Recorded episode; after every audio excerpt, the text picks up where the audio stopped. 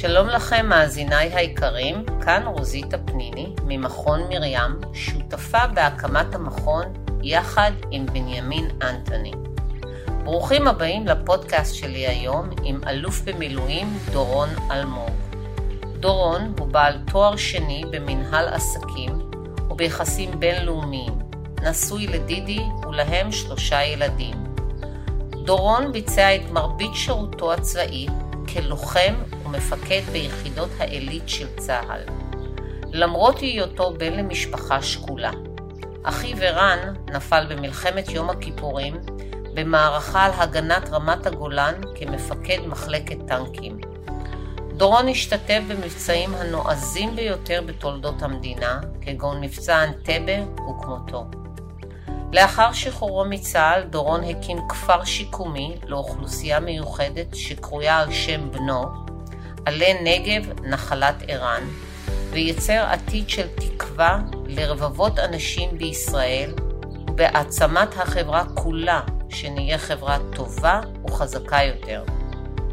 דורון קיבל פרסים ואותות הוקרה, שביניהם העיטור הגבוה ביותר, חתן פרס ישראל על מפעל חיים ותרומה מיוחדת לחברה ולמדינה. פרס יגאל אלון, הוא נבחר כאחד ממאה אנשים מעוררי ההשראה בישראל. אני מקווה שתהנו מפודקאסט זה שמוגש לכם על ידי מכון מרים, העתיד של ישראל ובידי ישראל. מצוין. ערב טוב דורון, אני מודה לך בשמי, בשם בנג'מין ובשם הארגון שלנו, אה, מכון מרים, שיכולנו להיפגש היום, אני מודה לך על הזמן שאתה הולך להקדיש לי פה. אני, יש לי המון המון דברים שהייתי רוצה לשוחח איתך עליהם, אבל uh, אני רוצה להתחיל בזה שתספר לי קצת על עצמך, על המשפחה, מאיפה הגעתם, מה הרקע שלך המשפחתי, קצת לדעת עליך, קצת על המקורות שלך. אה, ההורים שלי שניהם נולדו כאן בארץ ישראל, תחת המנדט הבריטי. אימא שלי ב-1929, היא בת 91, לפני כמה ימים חגגנו לה כאן יום הולדת 91, ברגיל לספטמבר. מזל טוב. והיא בריאה וחזקה וחכמה. אבא נפטר לפני 13 אה, שנים, בגיל 80. אבא יליד 27. אה, שניהם צברים. אמא הייתה בפלמ"ח, אבא בהגנה, הם הכירו במלחמת השחרור. הם התחתנו אחרי המלחמה, ב-1950, ואני נולדתי בראשון לציון ב-1951. מבחינתם, המופע המעצב שלהם זה מלחמת השחרור, מלחמת העצמאות. מבחינתם הם היו חילונים, חילונים, אימא חילונית, לא גדלתי בבית דתי. מבחינתם הדבר הכי קדוש היה מדינת ישראל. זאת אומרת, הם, הם נולדו תחת המנדט הבריטי, כל נעוריהם זה מאמץ אחד גדול לאימונים, נשק במסתור, סליקים, מתחת לעינם אה, הפקוחה של הבריטים, אה, להכין צבא במסתור, להתאמן, ויום אחד זה היה ברור להם שתהיה מלחמה. ושלהקים, זאת הייתה המשימה של הדור שלהם, להקים מדינה יהודית, הבית השלישי. מבחינתם הדבר הכי קדוש זה מעל אלוהים, כי באלוהים הם לא ממש האמינו. מעל אלוהים יש את המדינה היהודית היחידה בעולם. אה, יש שיר של חיים גורי שנקרא הירושה. השיר הזה, הירושה, הוא בעצם על עקדת יצחק, או יותר נכון על הדור של הוריי, דור תש"ח, הדור של מגש הכסף. והוא כותב, חיים גורי, שהם בעצם נולדו עם המאכלת בליבם. והאמירה הזאת, אה, זה דור שעקד את עצמו, ששת אלפים הרוגים במלחמת העצמאות, עקד את עצמו כדי לבנות כאן מדינה. זה מבחינתם היה הדבר הנכסף ביותר. בשביל זה צריך להסתכן, בשביל זה מותר להיהרג. בשביל זה צריך לגייס את כל הכוחות ולתת הכל. כשאני אומר הכל, זה כמובן החיים. עכשיו, כל הילדות שלי זה סיפורים על מלחמת העצמאות, זה סיפורים על החברים שנפלו. וכל שבת הם מדברים עם אנשים מאוד ישירים. אה, הם לא אנשי מליצה, הם אנשים שמדברים בשפה פשוטה, והמון סיפורים על, ה... על החברים שנפלו, וכמובן, בדרך כלל המפגשים היו אצלנו בבית, המפגשים כל מוצאי שבת. אה, אני כועס עליהם שהם עשו אותי מאוחר מדי. אני נולדתי ב-1951, כי ב-1967, במלחמת ששת הימים, אני רק בן 16. ואני כועס עליהם שאני לא הספקתי להילחם, ותוך שישה ימים אה, צה"ל מביס את הצבא המצרי, הירדני והסורי, ואני בתיכון, בן 16, והניצחון הוא כל כך גדול שמדברים על זה שזהו, יותר כבר לא היו מלחמות, כי תוך שישה ימים מוטטנו את שלושת צבאות ערב הגדולים. ו... ושש שנים אחר כך אה, אני כבר מפקד פלוגת צנחנים וערן אחי נהרג ברמת הגולן, אבל עוד הרבה לפני זה, אני כבר ב-1969, אני מתגייס לצנחנים ועד מלחמת יום כיפור כבר אני שובר הרבה מאוד קרבות. אה, בקרב הראשון שלי באיש הדואן, המ"פ שלי נהרג, איקי יצחק קוטלר מגבעת ברנר, חבר טוב, חיים קיסרוביץ' נהרג, אה, חבר מסייר צנחנים, ישראל בר-לב, נהרגים מול העיניים שלי, ואני בן 18 ושמונה חודשים. חייל צעיר, לחימה נגד קומנדו מצרי, כוח של 104 צנחנים, נוחת בבוקר, בתשע בבוקר על האי הזה, נלחם יומיים שם, אחר כך עוד קרבות ועוד קרבות ועוד קרבות. אני מגיע כבר ליום כיפור, כשאני כבר די מנוסה. די ברור לי כבר שהאשמה שהאשמתי את הוריי, שכאילו ילדו אותי אה, מאוחר מדי, כאילו, למה לא התחתנתם בסוף מלחמת השחרור? למה לא אה, ילדתם, אמא, למה לא הבאת אותי לעולם ב-1948? ההאשמה הזאת הייתה כל כך נאיבית. זאת אומרת, עד מלחמת יום כיפור שנוחתת עלינו בהפתעה גמורה, אה, אני כבר עם לא מעט חברים שנפלו. ואנחנו עכשיו בימים הנוראים, אנחנו ערב ראש השנה, וערב הימים הנוראים, ואני דור יום כיפור. אז יום כיפור זה חתיכת טלטלה. אה, אלו ימים כמובן של חשבון נפש, אבל אה, לדור שלי זה חשבון נפש על על גאווה, על שיכרון ניצחון, על היבריס. בעצם מה שקורה למדינת ישראל, שאנחנו מופתעים בשישי באוקטובר 1973, בשתיים בצהריים, זה תופעה פסיכולוגית, שיכרון ניצחון, גבהות לב, זלזול תהומי בערבים, זאת אומרת, האמירות כאן במדינת ישראל היו, הם פוחדים, הם, הם, המכה שהם ספגו במלחמת ששת הימים כל כך גדולה, שהם לה, לא ילכו לעוד מלחמה. ואם הם ילכו, אז תזמורת צה"ל לבד תאפיס אותם. ואם לא תזמורת צה"ל, אז הפנימייה הצבאית. ואם לא הם, אז רק הסדיר. אחד המפקדים שלי, האלוף עמנואל שקל, כתב ספר, זה עבודת דוקטורט, הסדיר יבלום. רק הסדיר. אז הסדיר ביממה הראשונה כבר שילם 300 הרוגים.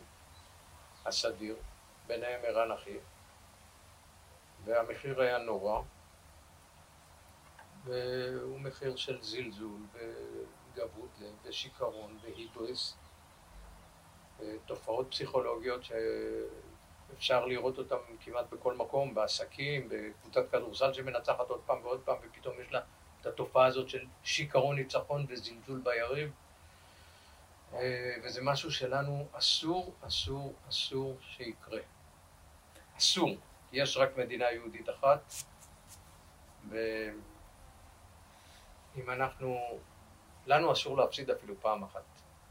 אם אנחנו אז... נפסיד, אז כשדיברתי על הוריי שהפקידו בידינו משהו אה, כל כך חשוב. אז בוא נחזור רגע להורים שלך. כן. אז מה היית אומר שהערך העליון מכל החינוך שקיבלת בבית? מה הדבר האחד ש... שהבנת שזה... במשפט אחד, במשפט אחד זה נכונות להקרבה למען המדינה היהודית היחידה בעולם. זאת אומרת, אני חושב שפחות עניין אותם מה יהיה, מה יהיה מרקם היחסים החברתי, התרבותי, הטכנולוגי, הכלכלי. להם היה רק דבר אחד, שתקום מדינה, שיעופו מפה הבריטים. ב-15 במאי 1948, כשיוצא הבריטי האחרון, הם, uh, מתחילה המלחמה. ב-29 בנובמבר, כמה חודשים לפני כן, 47, החלטת האו"ם, החלטה 181, שתי מדינות, זו לצד זו, פלסטינית ויהודית, הם רוקדים אורח ברחובות, אחרי זה כבר מתחילה המלחמה, בעיקר עם הפלסטינים. ועד ה-15 במאי, עד שהבריטים עוזבים, כבר הם, היישוב כאן מאבד למעלה מאלף איש. המון. אז אני אומר, הדבר ש... המסר הכי חזק שמעבירים לי זה ההקרבה למען המדינה היהודית. אחר כך כמובן יש הרבה טענות, איך היא צריכה להיות, מה היא צריכה להיות, מה היחסים, איזה חברה, חברת מופת, זאת אומרת, זה כבר אולי בא אחר כך אצלהם, קודם כל, הרעות, החברות, אומץ הלב, הביחד, אה, וגם הכמיהה לזה שכבר לא תהיה יותר מלחמה. את יודעת, אה, הם מאבדים כל כך הרבה בשנה וחצי, ששת אלפים הרוגים. ומה הם שרים? יש כל כך הרבה שירים של מלחמת העצמאות, אין אפשר, אין אפשר. שאגו בחורים כי נגמר. מה נגמר? נגמרה המלחמה, הם כל כך רוצים שזה ייגמר. שדי, המחיר הנורא הזה. אבל הם עדיין, כל הזמן, הם מוכנים עוד ועוד ועוד, כמה שצריך. אה, זה מחיר, אחוז, אחוז, את יודעת, אה, אה, תחשבי, בארצות הברית אחוז מהאוכלוסייה זה שלושה מיליון. אחוז גבוה. אחוז גבוה. האוכלוסייה כאן זו אוכלוסייה קטנה, אין מדינה, הם מותקפים על ידי שבע מדינות ערב. אז רון, ההקרבה שאתה מדבר עליה, אתה חווית אותה כבר מההתחלה, מלחמת יום הכיפורים. אמרת לי, איבדת בלי סוף, איבדת אח. ההורים, אני מתארת לעצמי שעדיין היו בסביבתכם. איך הם קיבלו את זה אחרי הם שהם... קיבלו, הם קיבלו את זה בדיוק כמו אברהם אבינו, שמתבקש להקריב את בנו יצחק לעולם. אותו דבר. זאת אומרת, שנתיים אחרי המלחמה קורה לי, זה ברור שאני ממשיך אגב, ב... כלוחם. זה ברור להם, זה ברור לי, כי הם חינכו אותנו להיות לוחמים. אז... אבל איך, איך ממשיכים? איך ממשיכים? אתה מאבד אח. אז זה, זה ברור שממשיכים, זה ברור שממשיכים, זה גם ברור להם. שנתיים אחרי המלחמה, מפקד אה, חטיבת הצנחנים מתן וילנאי קורא לי ואומר לי, אני רוצה לתת לך את הפיקוד על הסיירת, אתה מפקד הפלוגה הטוב ביותר, כתב את זה גם בספר שלו, אבל אתה בן למשפחה שכולה. הסיירת זה התפקיד הכי מסוכן, אתה צריך להיות הראשון לכל משימה. אני לא יודע אם יש לי זכות מוסרית. אמרתי לו, הוא אומר לי, אני לא יודע אם יהיה לי כוח ללכת להוריך אם חס וחלילה תיהרג. אז אמרתי לו, תלך עכשיו, דבר איתו. אז הוא הלך. אבא שלי אמר לו, אם כל משפחה שכולה תחליט שהבנים האחרים לא משרתים בקרבי, אנחנו פה לא נשרוד. אמא שלי אמרה לו, אתה יכול לשלוח את דורון לאן שאתה רוצה. אנחנו יודעים להסתדר, אנחנו נהיה בסדר, אל תדאג לנו. אנחנו יודעים להתמודד. והוא שולח אותי. אני הראשון באנטבה כי הוא שולח אותי להיות הראשון, לא רק באנטבה. אבל הוא, באמת, הוא קיבל, מההורים שלי גם הוא קיבל כוחות. את יודעת, אח שלי השלישי, מודי, שירת בסיירת מטכ"ל. במלחמת יום כיפור הוא בן 14. עכשיו, יש לו חמישה צל"שים, לא מדברים על זה, זה במגירות אצל אמא שלי. פה ב-4 לספטמבר, לפני כמה ימים, היה לה יום הולדת 91, כאן סביב השולחן אכלנו. מודי אח שלי הקריא ברכה לאימא. אז הוא סיפר על uh, אחד המבצעים. זה, הוא ישן בבית והתקשרו אלינו הביתה, הוא היה בחופשה, התקשרו מסיירת מטכ"ל אלינו הביתה ואמרו לה, מחבלים השתלטו על בית התינוקות במשגבם, אה, מודי בצוות אה, השתלטות, הוא צריך מיד לחזור ליחידה. עכשיו את כל זה מספרים לאימא שלי. עכשיו היא באה, הוא סיפר פה, אמא עירה אותו, ואומרת מודי תתלבש מיד, מחבלים השתלטו על בית התינוקות במשגבם, צריכים אותך ביחידה, טוס מהר לשם. את מבינה מה, מה זה אימא? עכשיו לי קרה אותו דבר אגב עם מבצע אנטבה, אותו דבר, אז אני סיפרתי ביום הולדת שלה, אותו דבר היה. אני הייתי באימונים ברמת הגולן, בשבוע הזה שנחטף במטוס אר פרנס, אני מגיע הביתה, יום חמישי, יומיים לפני המבצע השני ביולי, אני מגיע הביתה, פותח את הדלת, היא אומרת לי, אתם הולכים לטוס לאנטבה. אני אומר לה, אמא, על מה את מדברת? היא אומרת לי, אתה רואה את הדף הזה? כל אלה התקשרו, רשימה שלמה בכתב ידה, אז אין סלולר. כל אלה התקשרו, אני מכירה את זה כבר, היא יודעת, אני מכירה את זה, שב, תתקשר, אני אומרת לך, אתם הולכים לטוס לאנטבה. והיא צדקה. והיא סיפרה פה, ב-4 לספטמבר, אה, בלילה שאנחנו חוזרים מאנטבה, בשלוש בלילה, המבצע התחיל ב-11 בלילה, 53 דקות על הקרקע, יוני נהרג, הרגנו שבעה מחבלים ועוד 30 חיילים אוגנדים, ונהרגו שלושה בני ערובה, הרשקו סורין כדור בראש, ואחר כך, בשלוש בלילה, היו פרסומים ברשתות הרדיו בישראל שהיה מבצע לחילוץ בני ערובה. אה, המבצע הצליח, בני ערובה בדרך, אחד המפקדים הבכירים נפגע קשה. ואז היא סיפרה פה, ב-4 לספטמבר, יש לה פה, אה, שברגע הזה, שהיא שמעה שאני הייתי רב סרן, למה היא נלחצה. בשבע בבוקר אני נוחת, מתקשר הביתה, היא מרימה את הטלפון, היא שומעת רק את הקול שלי, רק שומעת. השאלה הראשונה שלה, מי נהרג? היא כבר מבינה שאני מדבר אז אני בסדר, מי נהרג? דורון, אז אימא שלך... אני אומר לה, יוני נהרג. זהו, זה אימא שלי עכשיו. למה זה דור שעשוי מברזל. אני לא ראיתי את אמא שלי בוכה אף פעם.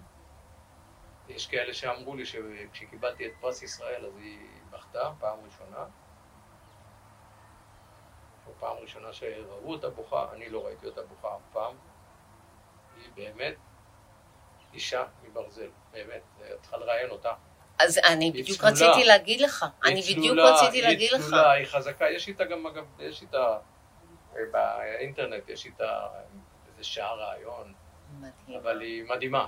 היא, אני אה, שואל אותה יום אחד, אה, אמא, תספרי לי על השבת השחורה. השבת השחורה זה ה-29 ביוני 1946, הבריטים בלילה אחד עושים גל מעצרים כדי לעצור חברי הגנה, פלמ"ח, אה, ולחפש נשק בסליקים. היא הייתה אז במשמר השרון, קיבוץ משמר השרון. היא ישנה עם חברה בחדר, נכנסו שני שוטרים בריטים, העירו אותה, לקחו אותה למעצר בלטרון, איפה שיד השריון. איפה שערן אחי כתוב היום שם. אז אה, סיפרו לי כמה פעמים שהיא הייתה במעצר, היא הייתה בת 16 וחצי. עכשיו, אה, שאלתי אותה לפני כמה זמן, שאלתי אותה, אמא, תגידי, כשהיית בת 16 וחצי, תספרי לי על הדבר הזה, מה זה... לקחתם אה, בגדים, אוכל, אה, מה, מה? היא אומרת לי, איזה בגדים? העירו אותי, הייתי עם פיג'מה, הייתי עם השבועיים האלה, שבועיים וחצי, הייתי עם הפי, הפיג'מה הזאת כל, כל הכלא. עשויים מחומר שבאמת היום אנחנו לא מבינים באמת, מה לא, זה. לא, לא, לא, אני חושב שגם היום יש אנשים חזקים, אבל היא. באמת, זה דור אחר. ואיך אתה החדרת לילדים שלך את התכונות האלה, את ההמשכיות הזאת? אותו דבר כמו שהם, זאת אומרת, זה- זה לספר, לספר את הסיפורים שלהם. הם אף פעם לא אמרו לי ככה, ככה, הקרבה. הם לא, את המילה הקרבה בכלל לא הוציאו מהפה. הם רק דיברו על מה, ש... על מה שהם עשו, וזה ברור לגמרי ש... זה מה שמשתמע. שצריך ללכת לקרבי, צריך להיות לוחם, ו... צריך להילחם כדי שתהיה לנו מדינה, אחרת, אה, אחרת לא תהיה. אז דורון, איך אתה מכין את החיילים שלך? אתה באת מבית שדיברו על זה והחדירו את זה באיזושהי. צורה. הרבה יותר פשוט? זה הרבה יותר פשוט. ספר לי, כי אני רוצה. לדעת- זה יותר פשוט. כי במנהיגות, אה, הכלל הראשון זה דוגמה אישית. וברגע שאתה עושה עם האנשים שלך, כל מה שאתה דורש מהם אתה עושה בעצמך, אז אתה איתם. אתה הראשון, אני תמיד הראשון שקופץ ממטוס, הראשון שמסתער איתם, הראשון שמוביל מסעות. אה, ברגע שהם רואים אותך, אז כבר אתה, זה חוסך כל כך, דוגמה אישית זה דבר שהוא חוסך כל כך הרבה מילים. וכמובן צריך, אה, מפקד צריך להסביר, צריך לחנך, צריך ללמד, מפקד הוא גם מורה, הוא גם מחנך. ו... אבל הכלל הראשון זה, זה הדוגמה האישית. הוא, אם, הוא לא, אם הוא לא נותן דוגמה אישית, או אם מזהים פער בין המילים שיוצאות מהפה למה שהוא עושה בפועל, הוא אומר, תשמעו, מאוד חשוב שהלילה יהיה מסע. שלום, תתחילו ללכת, אני היום אה, בבית. גמרנו. אין דבר כזה. ביחידות הקרביות, אה, דוגמה אישית זה הדבר הראשון. והדבר השני, אה, שהוא לא פחות חשוב, אנשים צריכים להרגיש ש... שאתה אוהב אותם, שהם יקרים לך, שאתה נלחם עבורם. אתה דורש מהם, מוציא להם, קורא להם את התחת, מוציא להם את המיץ, מאמן אותם, מתאמן יחד איתם, דורש מהם בלי סוף, אבל הם יודעים שאתה... הם חשובים לך. אתה תדאג להם, תמיד. עכשיו, אם אתה מצליח לתת לאנשים שאיתך את התחושה הזאת, שהם הדבר הכי חשוב, שאתה אוהב אותם, הם יקרים לך, אתה מעמיד אותם במקומם, את יודעת מה, כמה מפקדים מגיעים אליי ומספרים לי אה, כמה שיחות היו לי איתם, גם בכירים, גם בכירים, אני יודע, היה לי בחור, השתחרר תת-אלוף, עימאד פארס, היה מפקד חטיבת גבעתי. הוא, כל שבוע הייתי קורא לו לזכרה, למה הוא עשה ככה, והוא עשה ככה, והוא עשה ככה, והוא עשה ככה. היו לי המון שיחות עם, עם כאלה שאת מכירה, שהם גנרלים והגיעו לאלופים, זה ישראל זיו, שהיה מפקד סיירת צנחנים אצלי במלחמת לבנון הראשונה. הרבה שנים אנחנו ביחד, אני אלוף פיקוד, הוא מפקד אוגדת עזה. המון שיחות על דרך ארץ, על ערכים, על התנהגות, על ככה, לעשות ככה ולעשות ככה, וכן ולא. להיות מפקד זה תמיד, תמיד, תמיד לחנך, זה דוגמה אישית כל הזמן. בוחנים אותך, בוחנים אותך, גם שואלים אותך, למה עשית ככה, תסביר לנו. אה, יש ביקורת על דברים שאתה עושה. אתה לא, לא תמיד בכלל יש לך זמן להסביר, בעיקר בקרב. לא תמיד יש לך זמן להסביר. מפקד בלחימה בעצם פועל לפי, יש דבר שנקרא באוניברסיטה מלמדים את הדבר הזה שנקרא חשיבת מומחה. רופא שעושה ניתוח הוא עכשיו לא מתייעץ, הוא למד, הוא תרגל, וזהו.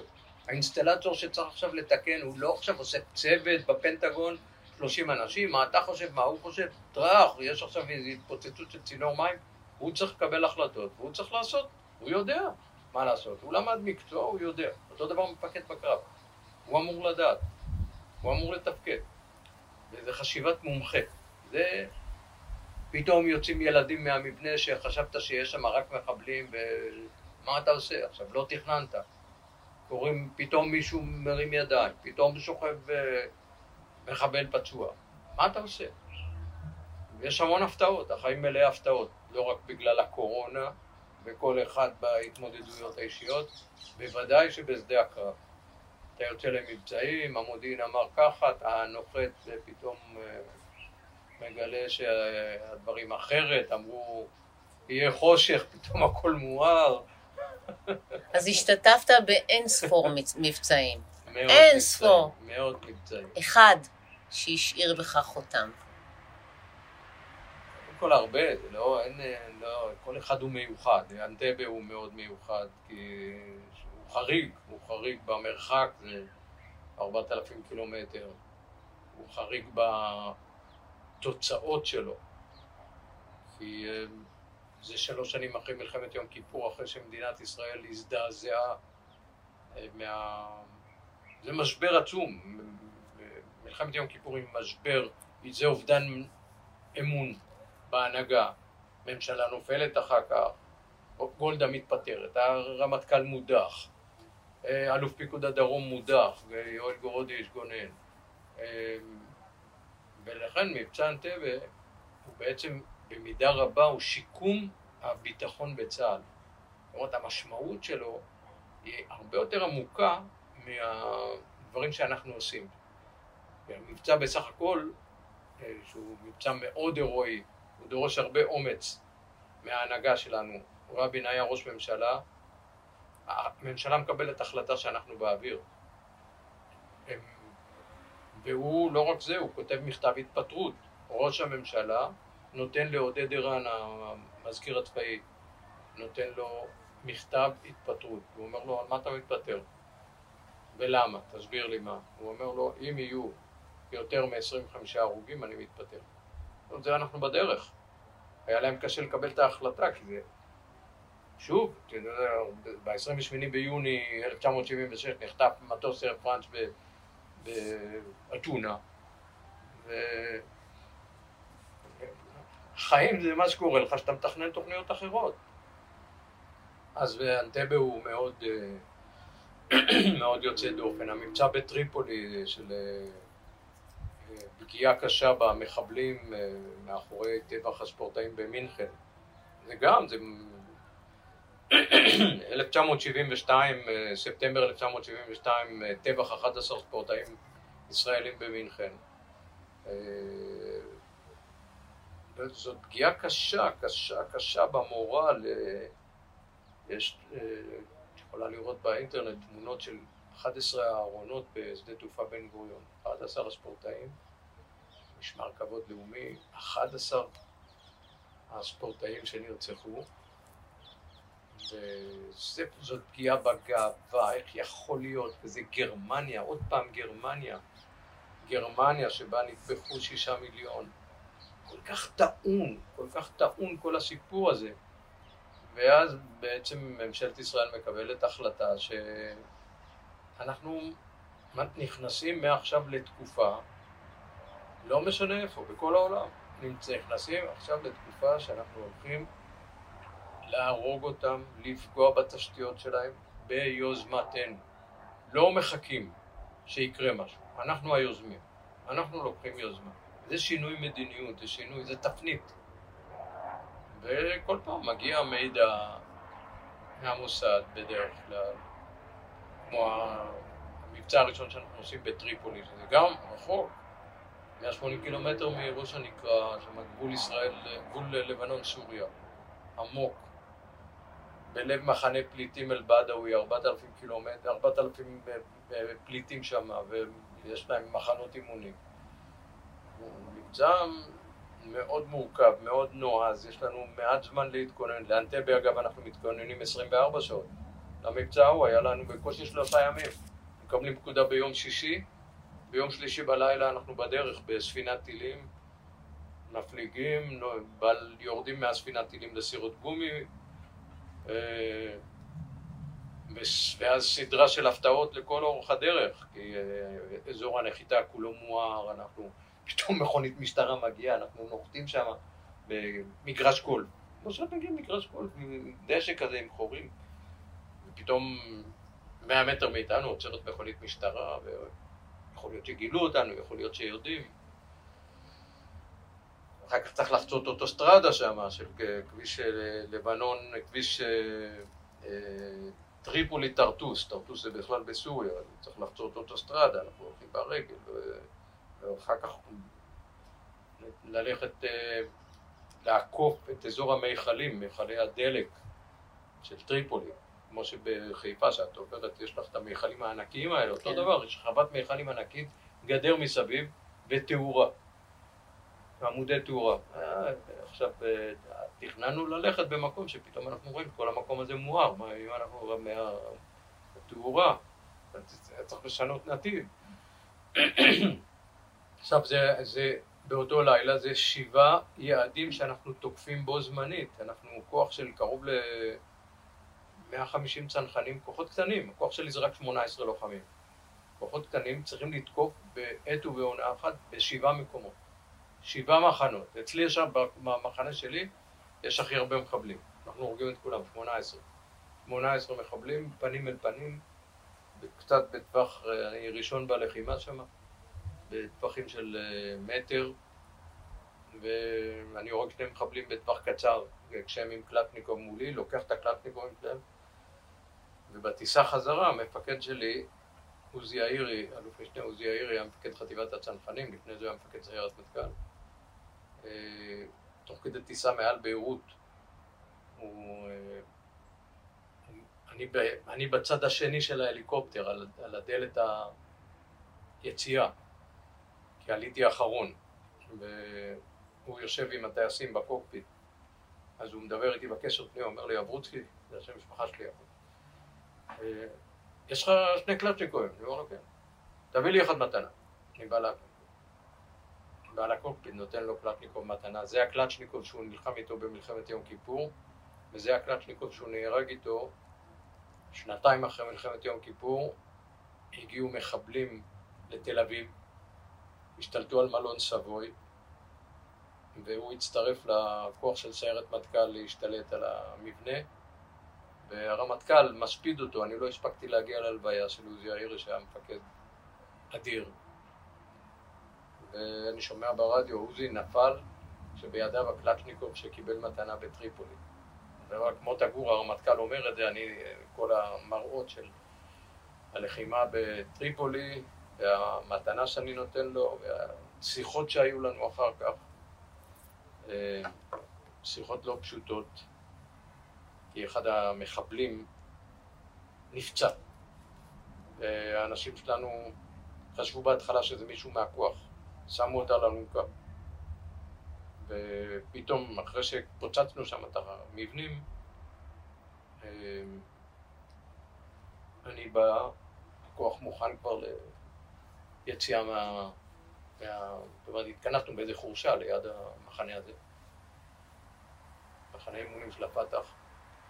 ואני שומע מלמול כזה בערבית, אני מעיר עם פנס, אני אומר לו, זה מחבל.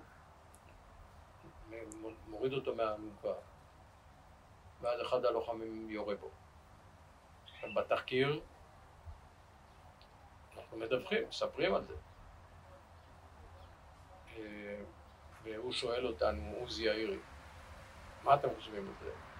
אמרתי לו, תשמע, אנחנו באנו להפתיע אותם במיטות, להרוג אותם. לא נורא. הוא אומר, לא, לא יורים בפצועים. לא רואים פצועים. היו לי איתו ויכוחים קשים. הוא קרא לי אליו עוד פעם ועוד פעם לשיחות, ואני חושב שאחרי שתי שיחות איתו, נפל לי האסימון, הבנתי כמה הוא צודק. מתי? הוא אומר לי, אוקיי, דורון, הוא היה מאוד כזה ישיר, הוא רב מאוד לעשן, היה מגיע לחיילים, דופק להם על הדלת, יש לך סיגרות, יש לך סיגרות, יש לך סיגרות. איש מאוד, איש אדיר. מה הבנת? הוא אומר לי, התפנית בשיחות שלי איתו על העניין הזה, הוא אומר לי, אם אתה חוטף כדור בבטן, ואתה שוכב עכשיו, ומגיע מחבל ומכוון עליך, מה אתה רוצה? אמרתי לו חסד. זהו. אחר כך, גם במלחמת יום כיפור, זה לפני מלחמת יום כיפור, גם במלחמת יום כיפור. אני חושב, המון מבצעים, אני חוזר עם שבויים. הרימו ידיים, טק, לוקח אותם אזיקים. מלחמת יום כיפור, שבעה, קצין מצרי ועוד... אה, והם איתנו, ואין לי מים, אני שם בחולות, בקרת מורה, איזה פיסדיומט. אז אני רוצה לשאול אותך על מבצע שאני קוראת לו מבצע.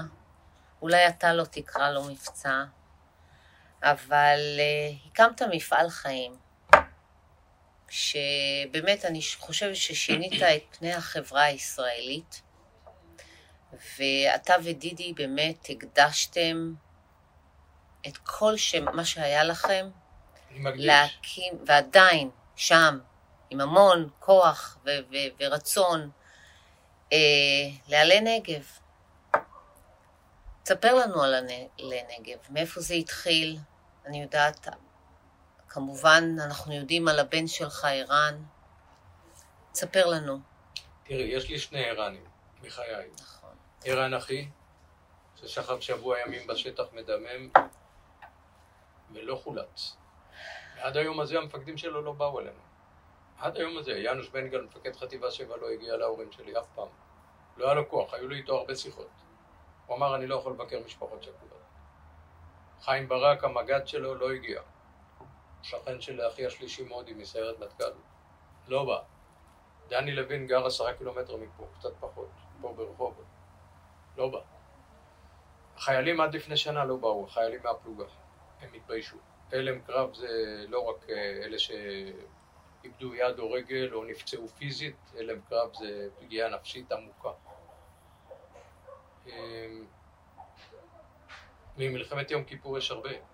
יש לי על הסלולר שלי, יש לי כמה ש...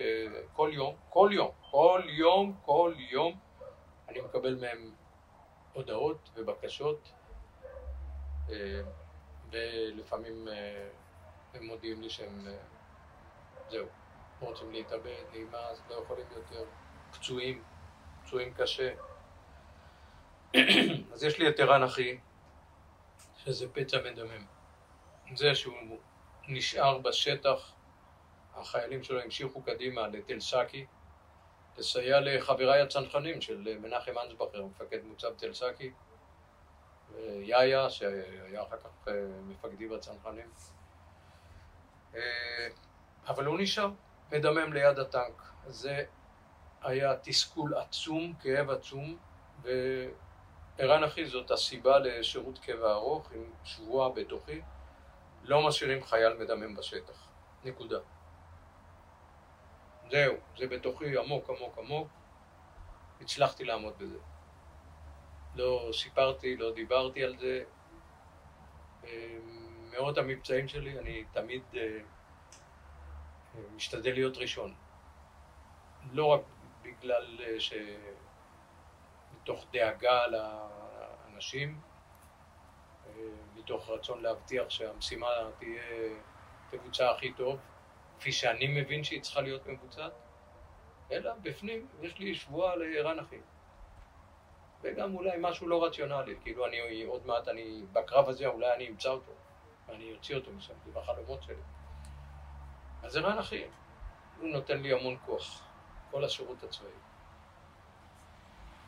ו-11 שנה אחרי מלחמת יום כיפור נולד לנו בן, שאנחנו נותנים לו את השם ערן, מצפים שהוא יהיה יותר מוצלח, יגיע יותר רחוק, כמו שאבא ואמא מצפים, שהילד יהיה גאוות המשפחה, ימשיך את המורשת, יגיע יותר רחוק. כל כך פשוט.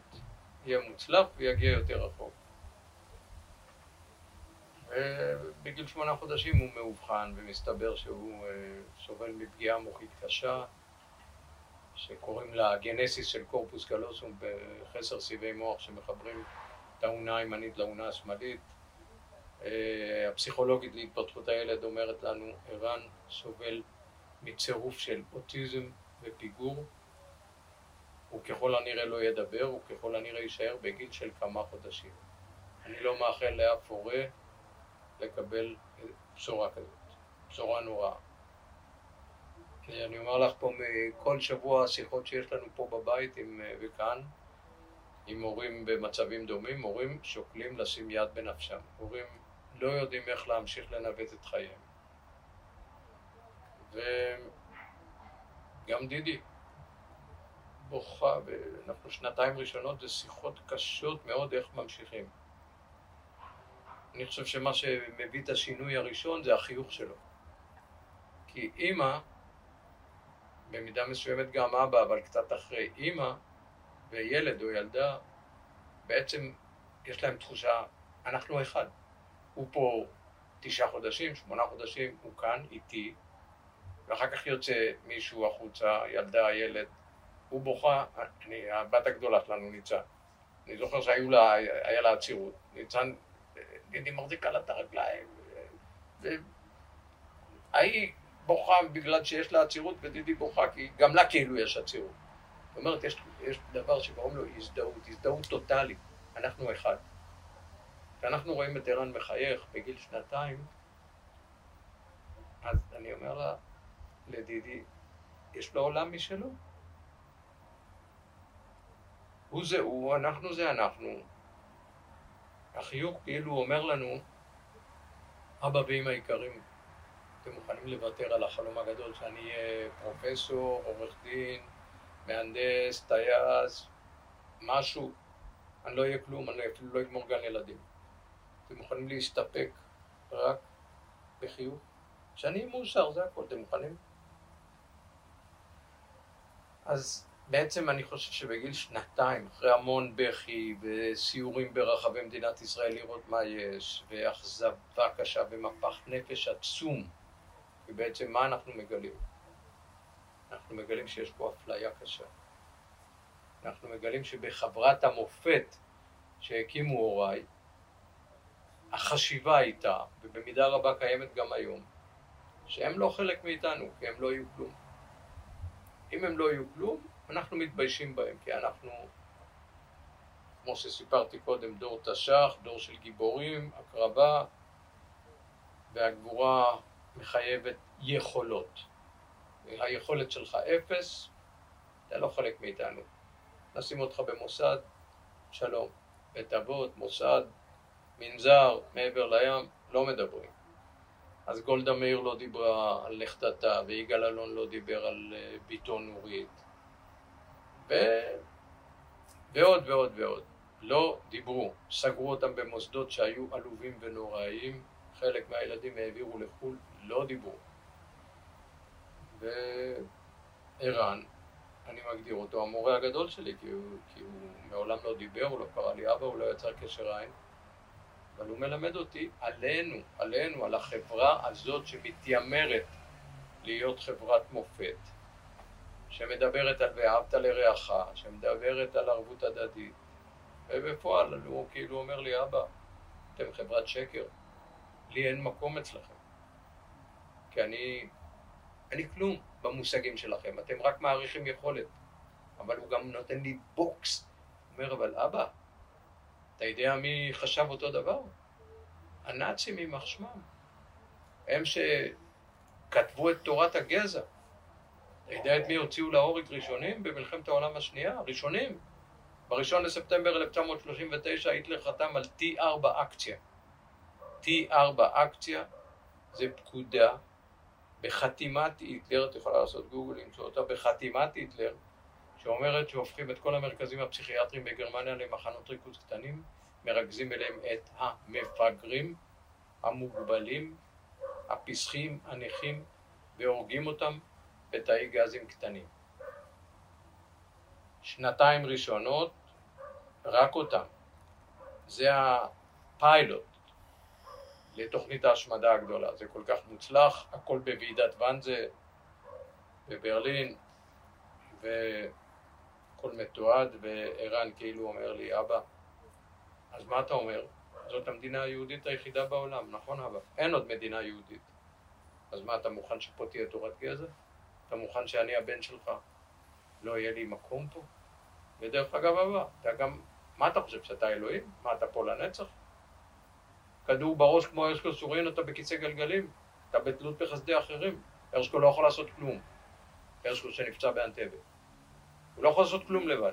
יש לו פיליפיני 24 שעות, 24-7. לשתות מים, הוא, הוא מאכיל אותו, הוא משקה אותו, הוא רוחץ אותו, הוא מגלח אותו, הוא מחתל אותו. אני פוגש אותו כל שנה לפחות פעם אחת באזכרה ליוני בהר הרצל. וערן כאילו אומר, אבא, אתה לא בן אלים, אתה בן חלוף. כולכם, כולנו, בני האדם. אתה יכול להיות במקום שלי. ואז מה? אתה רוצה שיעשו לך אותו דבר מה שאתם עושים לילדים כמוני? אתה רוצה שיעבירו אותך לאיזה מנזר בחו"ל? כי אין פה מקום בשביל מוגבלים?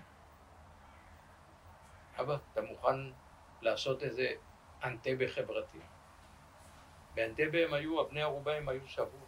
אני בן ערובה מהיום שנולדתי, אני לא מסוגל לעשות כלום לבד. כל חייו הוא עם חיתול, הוא לא מסוגל להתרחץ לבד, לצחצח שיניים לבד, לאכול לבד, כלום. אבא, אתה מוכן לשנות גם את החברה? זה יותר קשה מלטוס לאנטבה. 53 דקות על הקרקע, זה יותר קשה מללחוץ על ההדק ולהרוג כמה אנשים. זה יותר קשה, אבא. אתה מוכן לשנות את דפוס החשיבה, דפוס ההתנהגות? אתה מוכן? אז, אז המבצע הכי גדול שלי באמת זה הקמת כפר שמיועד קודם כל ליצור בית לכל החיים, שהדבר הראשון שיש בו זה אהבה. אהבה לאדם המוגבל, לפיסח, לנכה, לפצוע. והדבר השני שאני בעצם אה, מחויב אליו, שבתוכי נשבעתי, למען ערן אחי, ששכב שבוע ימים פצוע, ולמען ערן בנינו, זה לשנות את החברה במדינת ישראל, להפוך אותה באמת, כמו שדיברתי בטקס של פרס ישראל, עוד צעד קטן למקום הנשגב הזה שקוראים לו חברת מופת. קטן, קטן. איך לעשות את זה? יש לי תפיסה שלמה, אנחנו עושים את זה. השנה יש לנו גם תוכנית עם משרד החינוך, 20 אלף תלמידים, זו תוכנית של שנה. אבל הליבה, הליבה, הליבה, הליבה של התוכנית זה להתחיל קודם כל מגיל צעיר, מכיתה א', שנה התנדבות. מה זה שנה התנדבות? אגב, התנדבות תמיד, התנדבות תמיד כדרך חיים. התנדבות של שעה בשבוע, או שעתיים, מקסימום שעתיים בשבוע, לעבוד עם קשיש או קשישה, עם חולה, עם נכה, עם אדם מוגבל, בהוספיס, במקומות שאנשים נפרדים כמעט, לא כמעט, לא, יש להם עוד ימים, שעות, להיות שם, לבוא, להעניק פרח, לסייע למשפחה שנפרדת מבן או בת משפחה. יש כל כך הרבה כאב.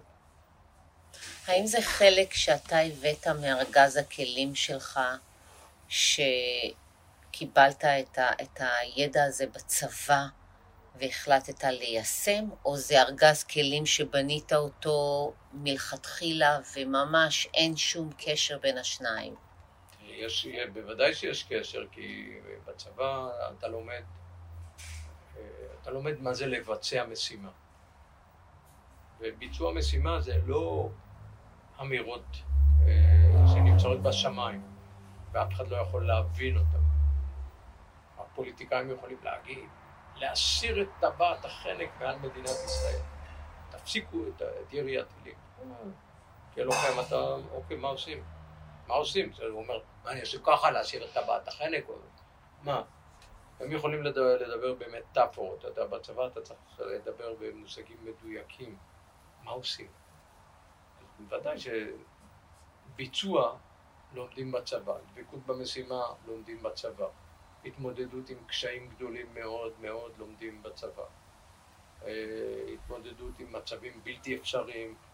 שוב, בצבא יש כל מיני, יש כל מיני צבא. בצבא שלי, כן, לומדים אה, התמודדות עם מצבים שנחשבים בלתי אפשריים.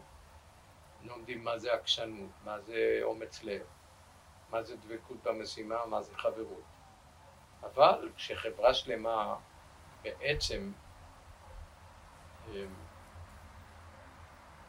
לומדת ומתוכנתת שלאדם המוגבל הוא לא, הוא לא חלק מאיתנו.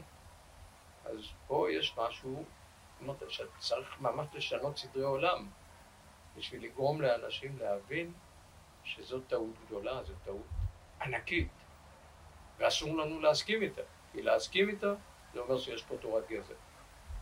ואם אנחנו אומרים שבאמת כל ישראל ערבים זה לזה, מתי ערבות הדדית נבחנת? כן, שיש משבר עם סבא, עם סבתא, עם בן משפחה, קורונה, רעב, משבר, הלם קרב, כן, שמה חברה נבחנת. וגם כשנולד ילד מוגבל.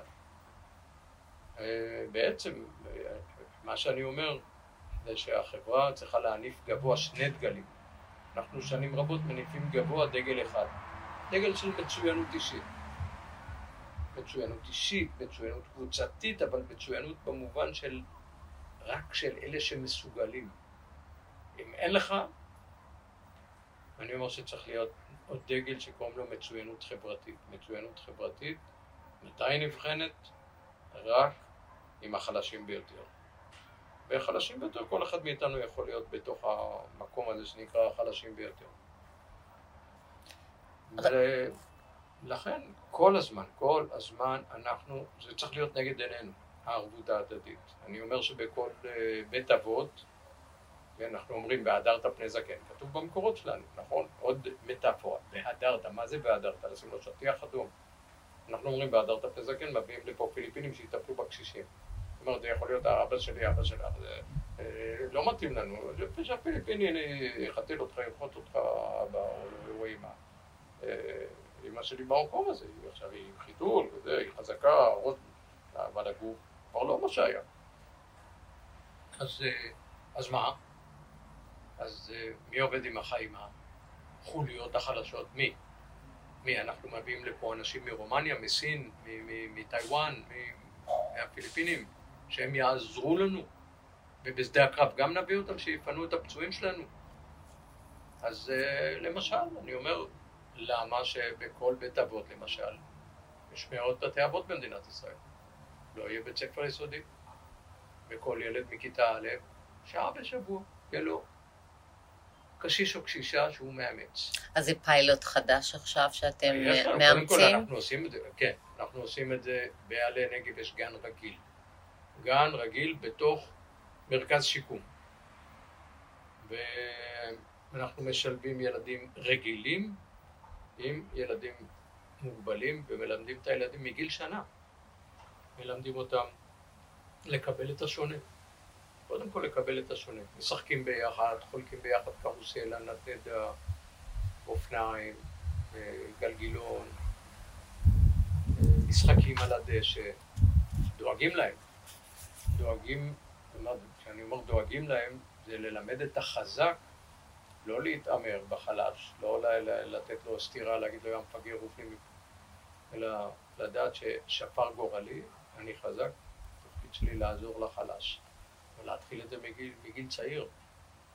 איך הצלחתם, אתה ודידי, לשכנע את כל השרשרת הזאת של האנשים, ש, שבאמת, כי אני יודעת שיש לכם גם אנשים מכל הדתות, מכל המגזרים, בעלי נגב. איך הבאתם את זה למצב שאנשים ראו את מה שאתם ראיתם וחשבו, באמת, זה משהו שבאמת צריך להיות זה, מעורבים. זה, זה, זה, קודם כל, אה, יצרנו משהו, הקמנו משהו והוכחנו שזה עובד. בעלי נגב יש הרמוניה, יש חברה אוטופית, יש מוסלמים, יש לנו 500 עובדים, מתוכם 100 מוסלמים, בדואים, 400 יהודים, ועוד כמה עשרות נוצרים, נוצרים מאירופה. מגרמניה, מהולנד, יש לנו נכדים ונכדות ונינים ונינות של נאצים, כאלה שהיו במפלגה הנאצית, הם באים ואומרים, סבא וסבתא הוציאו יהודים להורג, אני באתי לכפר על תיאר באקציה ועל רצח שישה מיליון יהודים. ו... תראי, אמרנו, אנחנו לא נקים עוד מוסד כדי לבודד. התפיסה שהייתה, ואגב במידה רבה עד היום הזה, לבודד את החולים, לבודד את המוגבלים, לבודד את הזקנים. אתה חלש, נסגור אותך, זהו. לא, אנחנו אמרנו עלי נגב יהיה מרכז קהילתי משלב. איך הוא ישלב?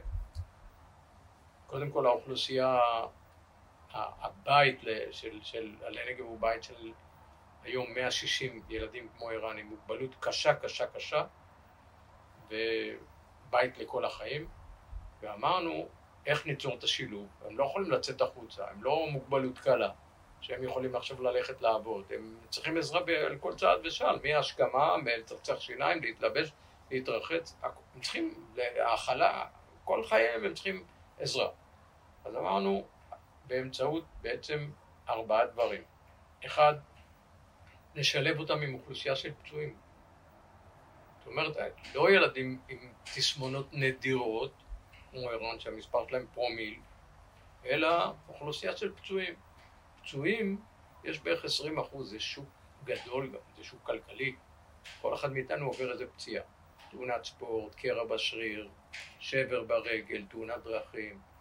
אתה צריך כמה טיפולים, פיזיותרפיה, כשזה מורכב אז זה גם ייעוד פסיכולוגי, קלינאות תקשורת יכול להיות, אנשים חוטפים סטרוק בגילאים מתקדמים, שבץ מוחי, תאונות דרכים, קטיעות גפיים, קטיעות איברים, המון.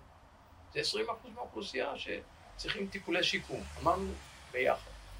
נבנה בכפר מרכזים טיפולים גדולים, וזה יהיה ביחד. פצועים כאלה עם פצועים כאלה. על כל ילד מהכפר יהיו עוד 20 איש מהדרום. חיילים, פוליטיקאים, סטודנטים, כל מי שקורה לו משהו, אז, אז אחד, אמרנו, שילוב של אוכלוסיות פצועים מהאוכלוסייה הרגילה ואוכלוסייה של ילדים כמו ערן שבודדו אותם, זה שילוב אחד. שתיים, חינוך, גן רגיל. עכשיו אני הולך לבנות עוד שישה גנים רגילים כאלה. בתוך הכפר הורים רוצים, הורים משתגעים מזה, חושבים שזה המקום הכי מחנך. שתיים, חינוך. שלוש, ביקורים. אנחנו אומרים יש מצווה ביהדות, מצוות ביקור חולים, אבל מי הולך לבקר מפגרים, זקנים, לא. כל יום, אמרנו פה יהיו מאה מבקרים, כל יום. חברי כנסת, פוליטיקאים, אנשי עסקים, אה, תלמידים, סטודנטים, חיילים, כל יום. מעל עשרת אלפים איש בשנה, כל יום מאה איש. עלי נגב עד לפני הקורונה, כל יום מאה איש. חלק גדול מהסיורים אני מוביל אותם, כל יום. והמון תיירים מארצות הברית. אוטובוס תיירים, באים, יורדים, מבקרים, הם אומרים תמיד, אחרי שעתיים אומרים, זה המקום שהכי ריגש אותי. למדתי להכיר ישראל אחרת, לא יכול להיות, לא ידעתי, יותר מהכותל התרגשתי. אז זה הדבר השלישי, זה סיורים. כל יום סיורים. והדבר הבא, מתנדבים. יש לנו בעלי נגב 800 מתנדבים. יש לנו מתנדבים מ-12 מדינות שונות. יש לנו אתר אינטרנט בחמש שפות. מתנדבים מפרו, מגואטמלה, מאוסטרליה, מקנדה, מארצות הברית, מאנגליה, אה, גרמניה, הולנד. אני אתמול עשיתי טקס זום אה, עם השגריר שלנו בהולנד, נאור גילון, ושלוש מתנדבות מהולנד שסיימו אצלנו לפני חודש וחזרו חזרה, ונורא, והאחרות לא יכולות להגיע בגלל שאין טיסות. אז עשינו טקס בשגרירות לתעודה, ועם ההורים, הם באו עם ההורים ודיברתי איתם על הימים הנוראים ועל ראש השנה וכמה הן חסרות לילדים. אז יש לנו 800 מתנדבים. יש חיילים ובנות שירות לאומי ושינשינים וסטודנטים, אה, חיילים מ-8200, זה פרויקט אדיר הפרויקט הזה של המתנדבים, והמתנדבים זה הדבר יכול לחולל שינוי חברתי מהמעלה הראשונה. אם רק נתחיל, כמו שאמרתי קודם, נתחיל אותו בכיתה א'. בכיתה א' להתחיל להתנדב. שעה, שעתיים בשבוע, וסטודנטים באוניברסיטאות. יש היום במדינת ישראל חצי מיליון מתנדבים, אין בעיה להגיע לשני מיליון. אין בעיה. אין בעיה, רק נשנה. זה גם אגב תוספת לתל"ג. תחשבי ששעה של מתנדב, נגיד 40 שקל לשעה, בסדר? עשית מכפלות, כפול מיליון וחצי, רב, זה עוד הכנסה של עוד שלושה מיליארד. וזה התנדבות, אבל החשיבות העיקרית שזה מחנך את האנשים. למה? פרופורציות, צניעות, הפחתת אגו.